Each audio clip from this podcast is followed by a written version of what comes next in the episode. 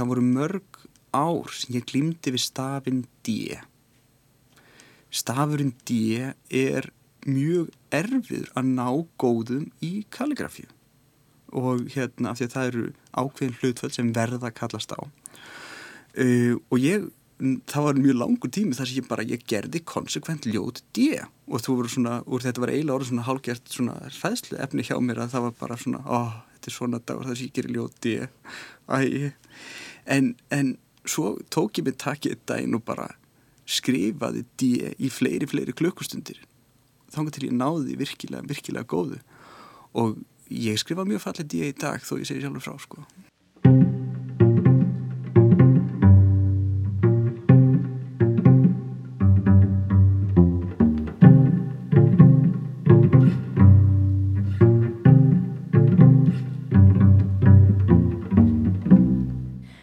ég heiti Hildur og þetta er Skaparinn.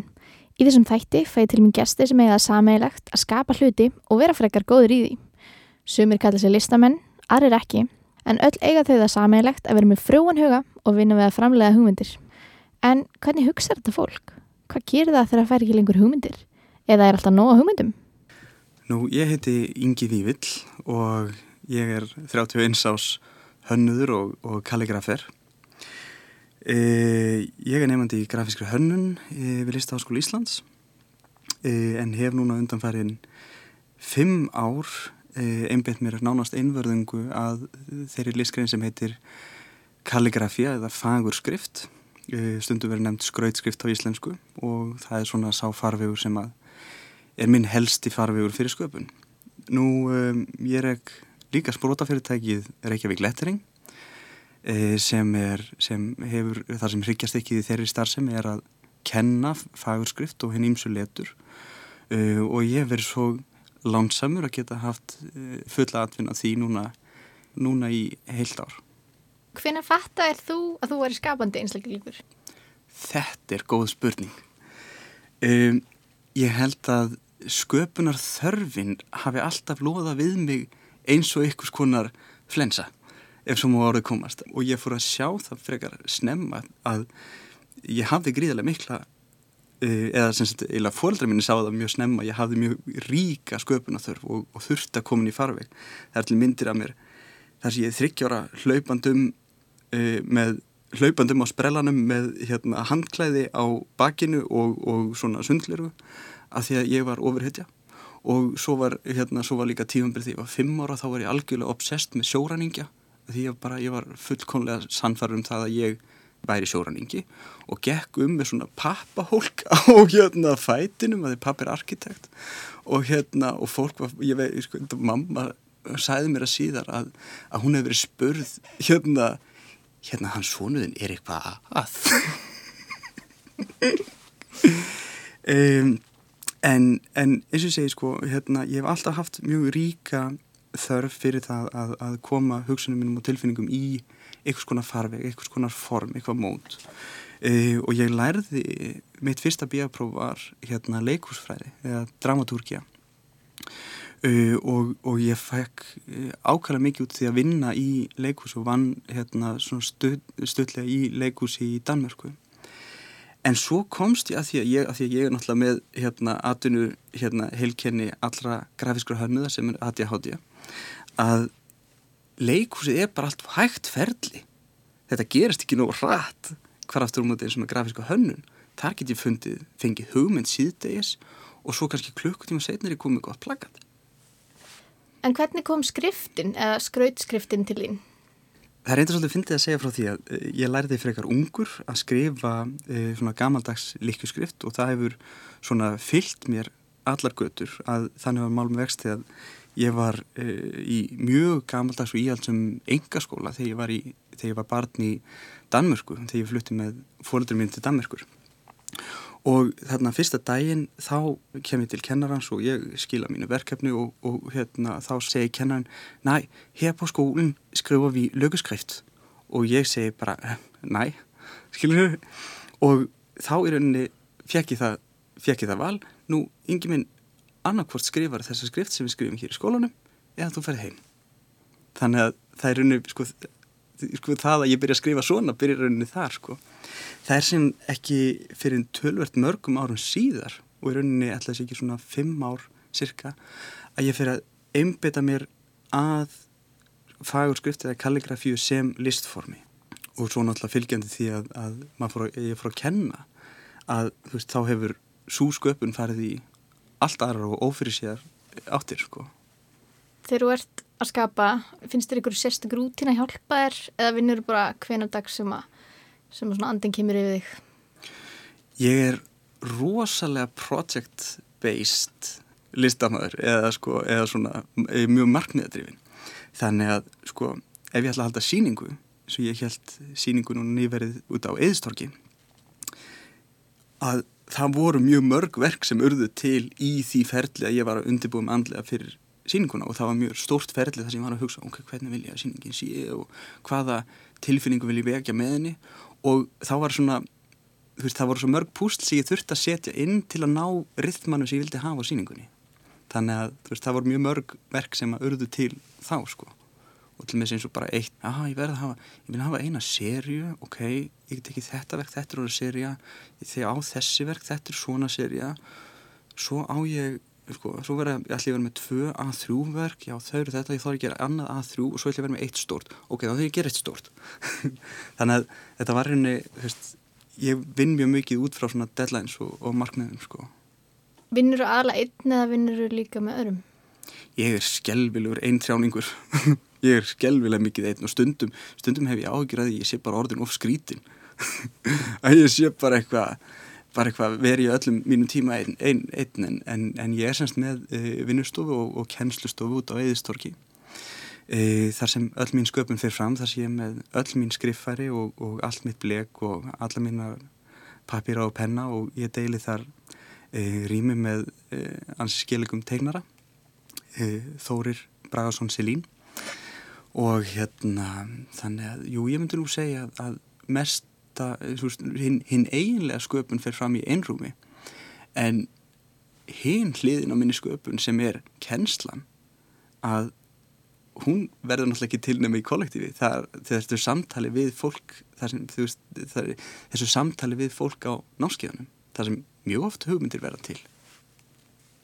Þú hljómar eins og sért fullur á hugmyndum en lendur ykkur um nýði að vera með svona sköpunastýplu eða, eða vera stopp? Já, e, svona hugmyndatræða. E, nú kannski nýti þeirra forreitinda að vera í svo hérna, miklu jæðarfægi að ég get alltaf fundið eitthvað og, sko, og satt að segja, sko, kalligrafía hefur sko, hjálpað mér mjög mikið við það fást við svona sköpunatræðu sem að hrjáði mér svolítið mikið þegar ég var að vinna með leikús að það, það er alltaf að byrja skilur því maður getur alltaf bara sest nýr já nú ætla ég allavega að gera eitt starf skilur, og þá getur maður gert það. Um, hins vegar fann ég fyrir svona sköpun að trefðu á, á Twitter undanfari ég fór í skjálfilega Twitterlag þar sem ég var bara mjög leiðilegur á Twitter og ég tók það mjög nærið mér tók það skjálfilega nærið mér.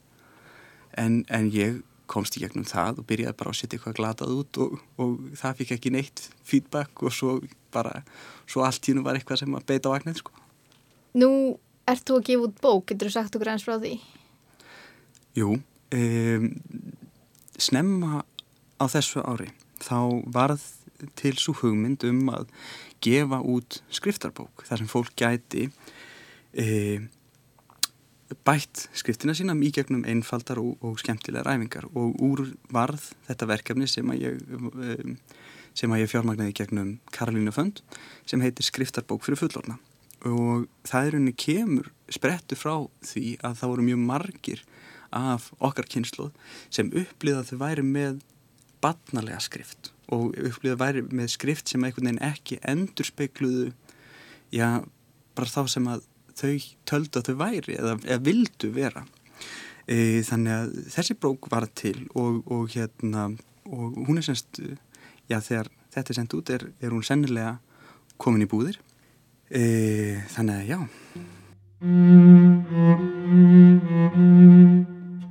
Að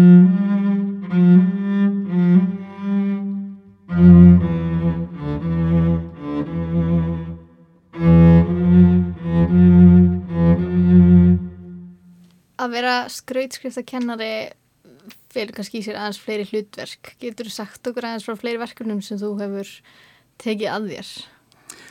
Jú, það er, það er mikið rétt. Þetta er fjölbreytt hlutverk og í dag nota ég orðið fyrst og finnst titilin að ég sé bara skriftarkennari.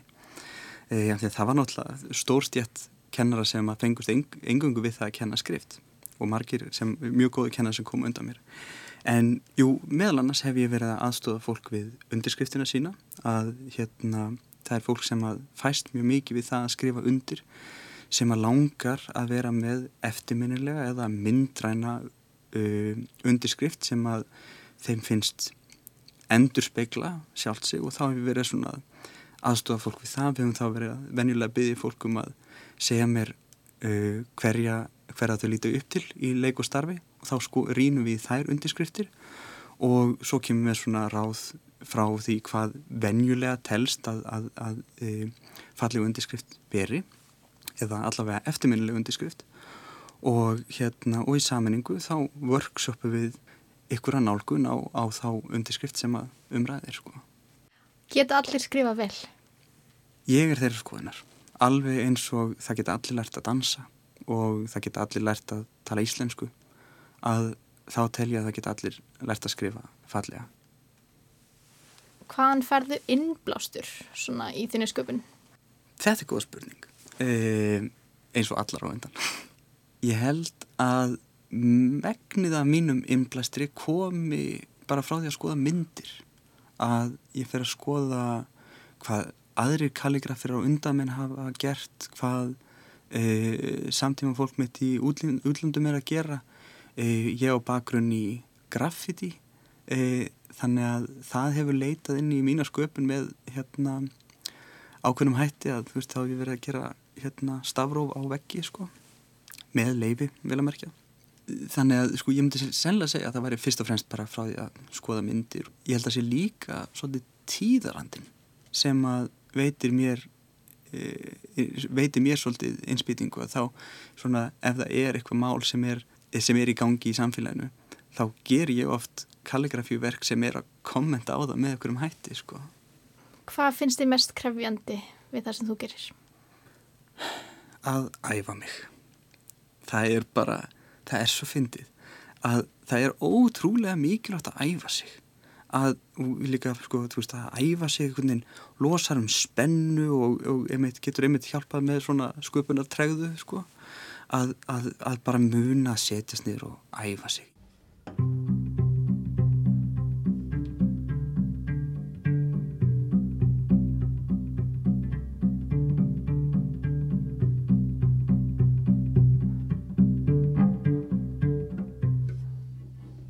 Ef þú verður ekki að vinna við þetta sem þú ert að gera ekkur núna, hvað getur hugsað að vinna við? Ég væri sennilega að fást við kennslu líka. Uh, ég væri öruglega kennari með ykkur móti eða ég væri öruglega líka svona, eða, eða svona motivational speaker. það er eitthvað sem ég get alveg hugsað með Ég horfi líka svolítið á starfsfélinn þannig að veist, það kemur í svona tímabilum. Veist, í dag er ég kalligrafir og mitt aðalstarf snýrað skrift og það mun gera það um, um, um mjög langa tíð enn. En svo veit maður aldrei hvað framtíðin ber í skautið sér. Hver ertu svona stoltastur af á þínum ferli? Ég er skelvilega stoltur af Reykjavík lettering. Það er, hérna, þetta er lítið vörumerki sem ég hef... Uh, ræktað af alúð. Þetta er mitt, þetta er svona lítill sproti eða ángi af mér. Og það hvernig þetta fyrirtæki mitt hefur vaksið á, á sínu fyrsta starfsári er ég mjög stoltur af. Og hérna en svo náttúrulega vona ég ég fái hérna búið á bestastæði út á skriftabók fyrir fullorna ég veit ekki fólk orðað eða eitthvað það væri fínt. Ég vona að Guðni sé að lista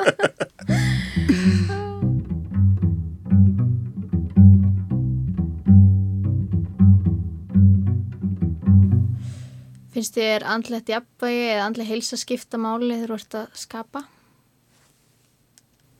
Ég held að sköpun getur verið mjög góður farveg til að koma þeirri orku sem byggist upp í líkamannum í eitthvað farveg, hvort sem hún er uppbyggileg eða, eða niðurrífandi eða, eða niðurísorka eða hvernig sem það er sko. það, er, það er alltaf mjög gott að koma í ákveðin farveg. Og það var það sem ég upplifði mjög mikið þegar ég fór að einbytta mér að, að kalligrafíu að ég fór að geta sett alla þessa orgu sem ég hafði í ákveðin farveg að það var bara hér er ég, til og með eins og þeir, þeir sem eru með ADHD að þeir geta náð svona hyperfókus og ég held að það sé og, og ég næði því mjög ofta þá er ég bara gjörsamlega heil tekin af einhverju viðfangi innan þessa. En ég veit alltaf hvert ég á að stefna orkunni. Ég var mjög lengi að gæla við þá hugmynd að komast inn í hugleðslu og mindfulness og svo leiðis og það var einmitt í gegnum kalligrafina sem ég rakst á aðferð þá var það sem sagt e, japanskur kalligrafer sem hafði lengi glýmt við handskjálta og sem er náttúrulega glatað að glýma við þegar maður er kalligrafer e, nema hvað hann fann þessa aðferð að tengja strókurna við andadráttin að það er þessu uppstrókur er innöndun og niðurstrókur útöndun og, og þetta veitir strókunum ákveðna festu og þetta, þetta ykkar ég minn eiginsköpun nema hvað? Að þessi ágætti kalligrafir fann það að þessi þrálóta deburð sem hafi sótt á hann yfir margra ára skeið hún var horfinni svo dög fyrir sólu. E, þannig að ég hef, ég hef fundið það líka að það að fást við þessa gerða virkri hugleyslu hefur kent mér svolítið að tengja slíðandi stund að það er bara, ef ég finna ég er orðin yfir spentur eða áhyggjufullur þá veit ég hvað ég á að gera Vist, ég kann að hvað er að tengja slíðandi stund hér og nú Getur þú mælt með einhverjum hlaðvörpum eða bókum eða þáttum eða eitthvað sem hefur gefið þér innblástur í þenni sköpun? Ég uh, hlusta sjálfur ekki mikið á podcast nema ég hef búin að tæta mikið um alla þetta skaparanum hinga til. Uh, en mér finnst, uh, mér finnst mjög gott að hlusta á hérna, rás 1 eða rás 2 þegar ég er að vinna. Þannig að það er svona hlaðvar sem ég hlusta á en ég, hvort að það tengir sköpunni beint veit ég ekki. En hins vegar skoða ég mjög mikið bækur og ég er mjög mikið með nefið í bókum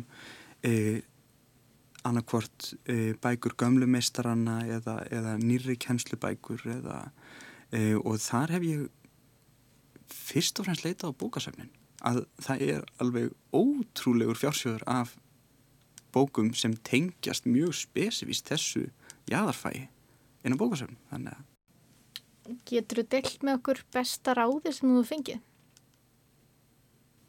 Eitt af þeim skemmtilegustu ráðum sem ég hef fengið það var frá kennara, uh, kennara upp í listafaskola sem sagði yngi augað okkar er svolítið eins og fimm ára barn það hefur gaman af óðbúslega einföldum hlutum. Til dæmis eins og þarna eru þrjár plötur sem eru, sem eru jafn stórar og jafn uh, breyðar og þar hugsaður augað þetta er geggjað, það eru þrjár eins. Og ég hef kannski látið það svolítið um, stýra minni uh, sköpun að bara keep it simple